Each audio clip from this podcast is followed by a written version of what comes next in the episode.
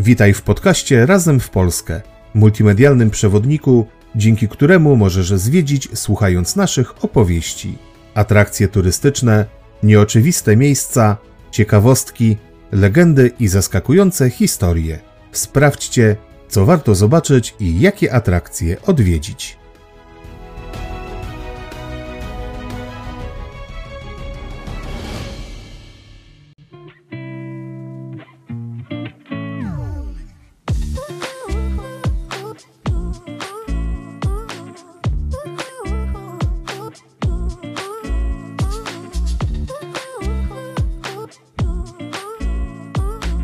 Jakie prace w czynie społecznym wykonali w tym pięknym parku górnicy z pobliskiej kopalni. Jak umarła mająca polskie korzenie najsłynniejsza fanfatal XIX stulecia, co dziś pozostało z jednej z najpiękniejszych i najnowocześniejszych rezydencji XIX-wiecznej Europy i co połączyło jednego z najbogatszych przemysłowców Śląska z paryską kurtyzaną. Opowiemy Wam o tym podczas wycieczki po jednym z najchętniej odwiedzanych parków na Śląsku.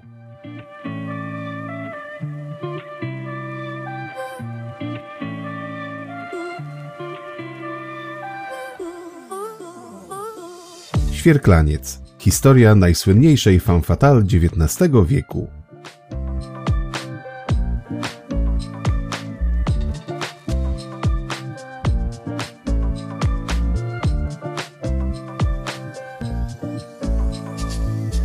Zapraszamy Was na romantyczny spacer po pięknym parku, podczas którego opowiemy Wam o miłości, jaka połączyła jednego z najbogatszych przemysłowców Europy z paryską kurtyzaną i najsłynniejszą femme fatale XIX wieku. Odwiedzamy położony we województwie śląskim Świerklaniec, siedzibę bogatego rodu przemysłowców, której historia kończy się tragicznie za czasów wczesnego PRL-u. Sprawdźcie z nami, jakie atrakcje warto zobaczyć w Świerklańcu.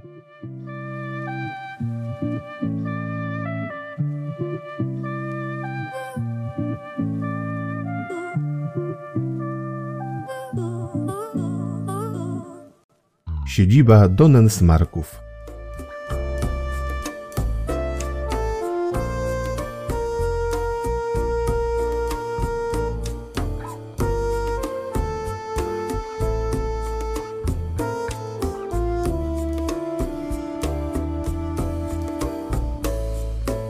Opowieść o zamku i pałacu w Świerklańcu wypadałoby zacząć od końca. I to niestety w obu przypadkach smutnego. Tragedia rozpoczęła się w 1945 roku, gdy zwycięska Armia Czerwona wkroczyła do Świerklańca, choć nie stoczyła tu żadnej bitwy. Żołdacy pierwsze kroki skierowali do siedziby znienawidzonych panów. Zabrali wszystko, co według nich miało jakąś wartość i dało się wynieść, a na koniec zniszczyli i podpalili budynki. Informacja o pożarze jest wprawdzie kwestionowana przez niektórych znawców tematu, którzy ogołocenie budynków przypisują okolicznym szabrownikom. Obojętnie, którą z wersji przyjmiemy, faktem jest, że w latach 50. oba budynki były w dość marnym stanie.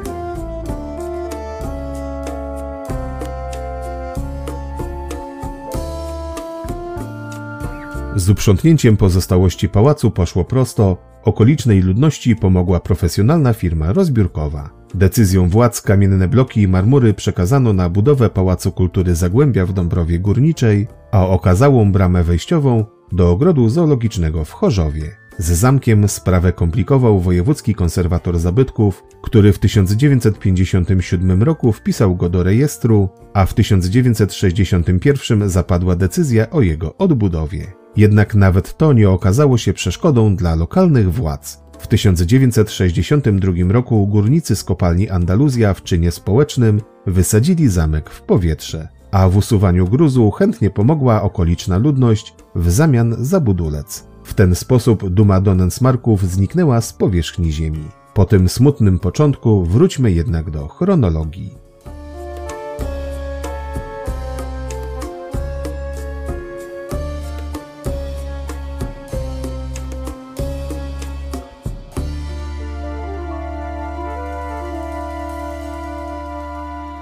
Zamek Piastowski.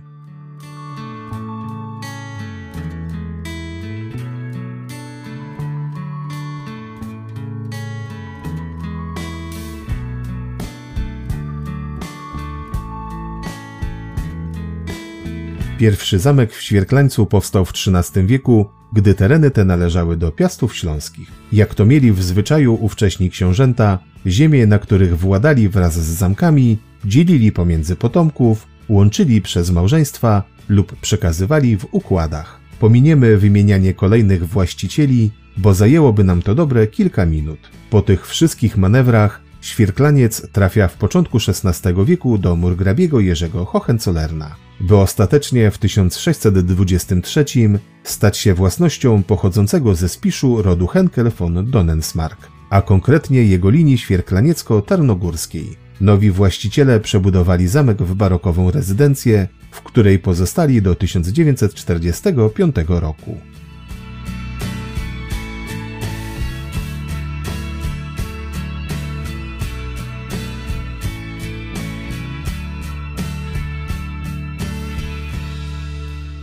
Pałac Donensmarków.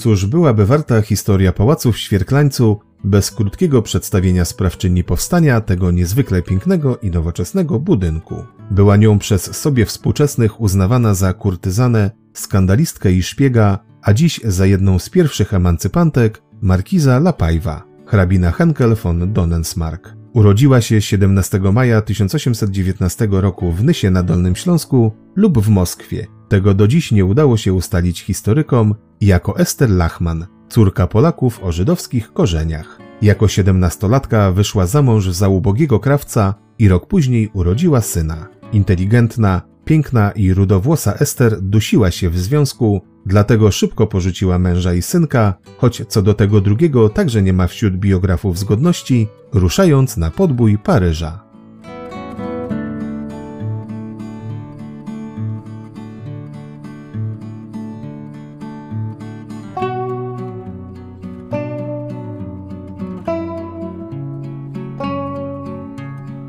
Obdarzona egzotyczną urodą Ester szybko zwróciła na siebie uwagę. Pierwszym amantem zapewniającym jej luksusowe życie był mieszkający w Paryżu austriacki pianista oraz kompozytor Henri Hertz. Skomponował on dla Ester kilka utworów, między innymi ballade bez słów na fortepian. Drogie suknie i biżuteria zrujnowały Herca i gdy ten wyjechał zarabiać na koncertach w Stanach Zjednoczonych, rodzina wyrzuciła ją z domu. Ester wyjechała do Londynu, gdzie wzbogaciła się dzięki majątkowi lorda Stanleya i w 1850 powróciła do Paryża. Zakupiła piękną rezydencję na placu Saint-Georges, która wkrótce stała się miejscem spotkań praskiej elity, polityków i dyplomatów z całego świata. Ceniona za wybitne zdolności menedżerskie i urodę, stała się powiernikiem i doradcą zarówno w biznesie, jak i w polityce, często będąc w samym centrum zakulisowych rozgrywek.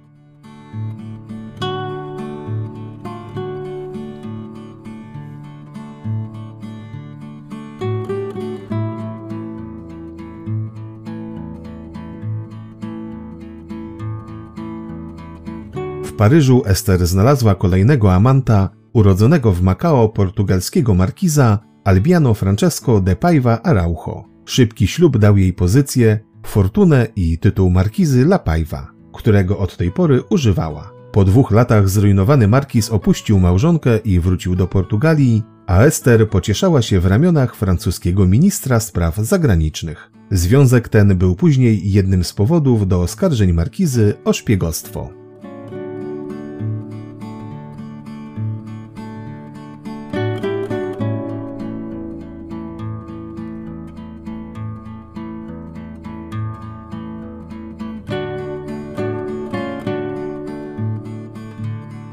Pod koniec 1851 roku markiza poznaje młodszego od siebie o 11 lat Guido Henkel von Donensmarka, spadkobiercę jednego z najbogatszych rodów przemysłowych ówczesnej Europy. Zakochany szybko zaproponował jej małżeństwo, Jednak było ono możliwe dopiero w sierpniu 1871 roku, kiedy to Ester uzyskała rozwód z markizem de Paiva. W latach 1856-1865 hrabia wybudował dla niej ekskluzywny dom na polach elizejskich, obecnie hotel La Paiva.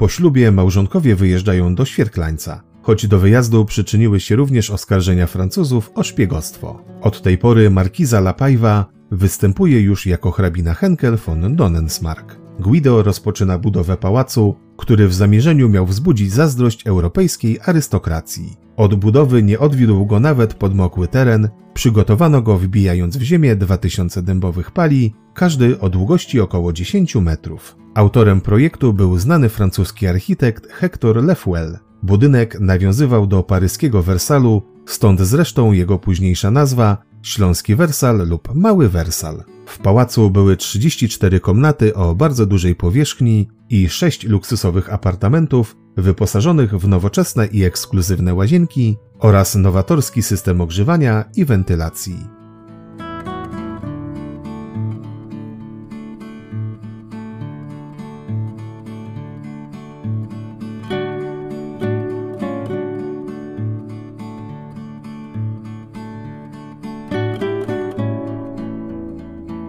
Tak ciekawa i barwna postać jak markiza Lapajwa nie mogła umrzeć w nudny, naturalny sposób. Zginęła w 1884 roku, gdy podczas konnej przejażdżki szal zaplątał się w gałęzie drzew i ją udusił. Została pochowana w rodzinnym mauzoleum Donensmarków w Świerklańcu. Jednak zanim to nastąpiło, Guido, nie mogąc pogodzić się ze śmiercią ukochanej żony, podobno zakonserwował jej ciało i umieścił w jednej z komnat. Sprawę odkryła dopiero jego druga żona, Katarzyna Slepcowa. Dziś po pięknych zabudowaniach w Świerklańcu pozostał tylko park z rzeźbami Fremier, piękna fontanna na trzy gracje oraz dom kawalera.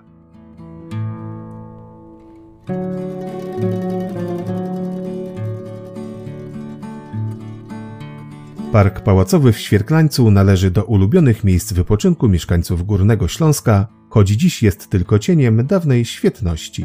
Centralne miejsce zajmuje fontanna Trzy Gracje, stworzona prawdopodobnie przez Immanuela Fremier, przedstawiająca trzy kobiety podtrzymujące astrolabium. Rzeźbiarz jest również autorem znajdujących się w rogach czterech żeliwnych instalacji przedstawiających walczące zwierzęta. Wokół znajduje się sporo alejek spacerowych i romantycznych kamiennych mostków oraz mnóstwo starych, pięknych drzew. Im dalej od stawu, tym bardziej dzikich.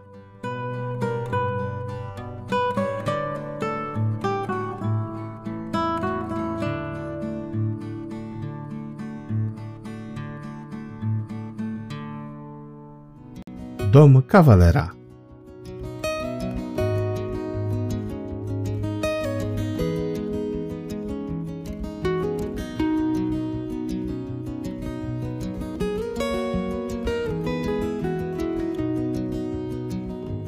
Dom kawalera to jedyny budynek pozostały po pięknej rezydencji von Donensmarków w Świerklańcu. Wybudowano go w latach 1903-1906 z myślą o gościach pałacu, a przede wszystkim o cesarzu Wilhelmie II, który gościł tu często na polowaniach. Pałac kawalera wyposażony był innymi w posadzki z istryjskiego marmuru, amerykańskie wanny royal z jednego kawałka fajansu, obrazy wielkich mistrzów i inne luksusowe nowinki. Zaprojektowany został w stylu neobaroku francuskiego przez Ernsta von Inne, nadwornego architekta cesarza Wilhelma II. Na frontonie pałacu wyryty jest napis Memento Vivere – Pamiętaj o życiu, który miał zachęcać odwiedzających go gości, zwłaszcza kawalerów, do zabawy.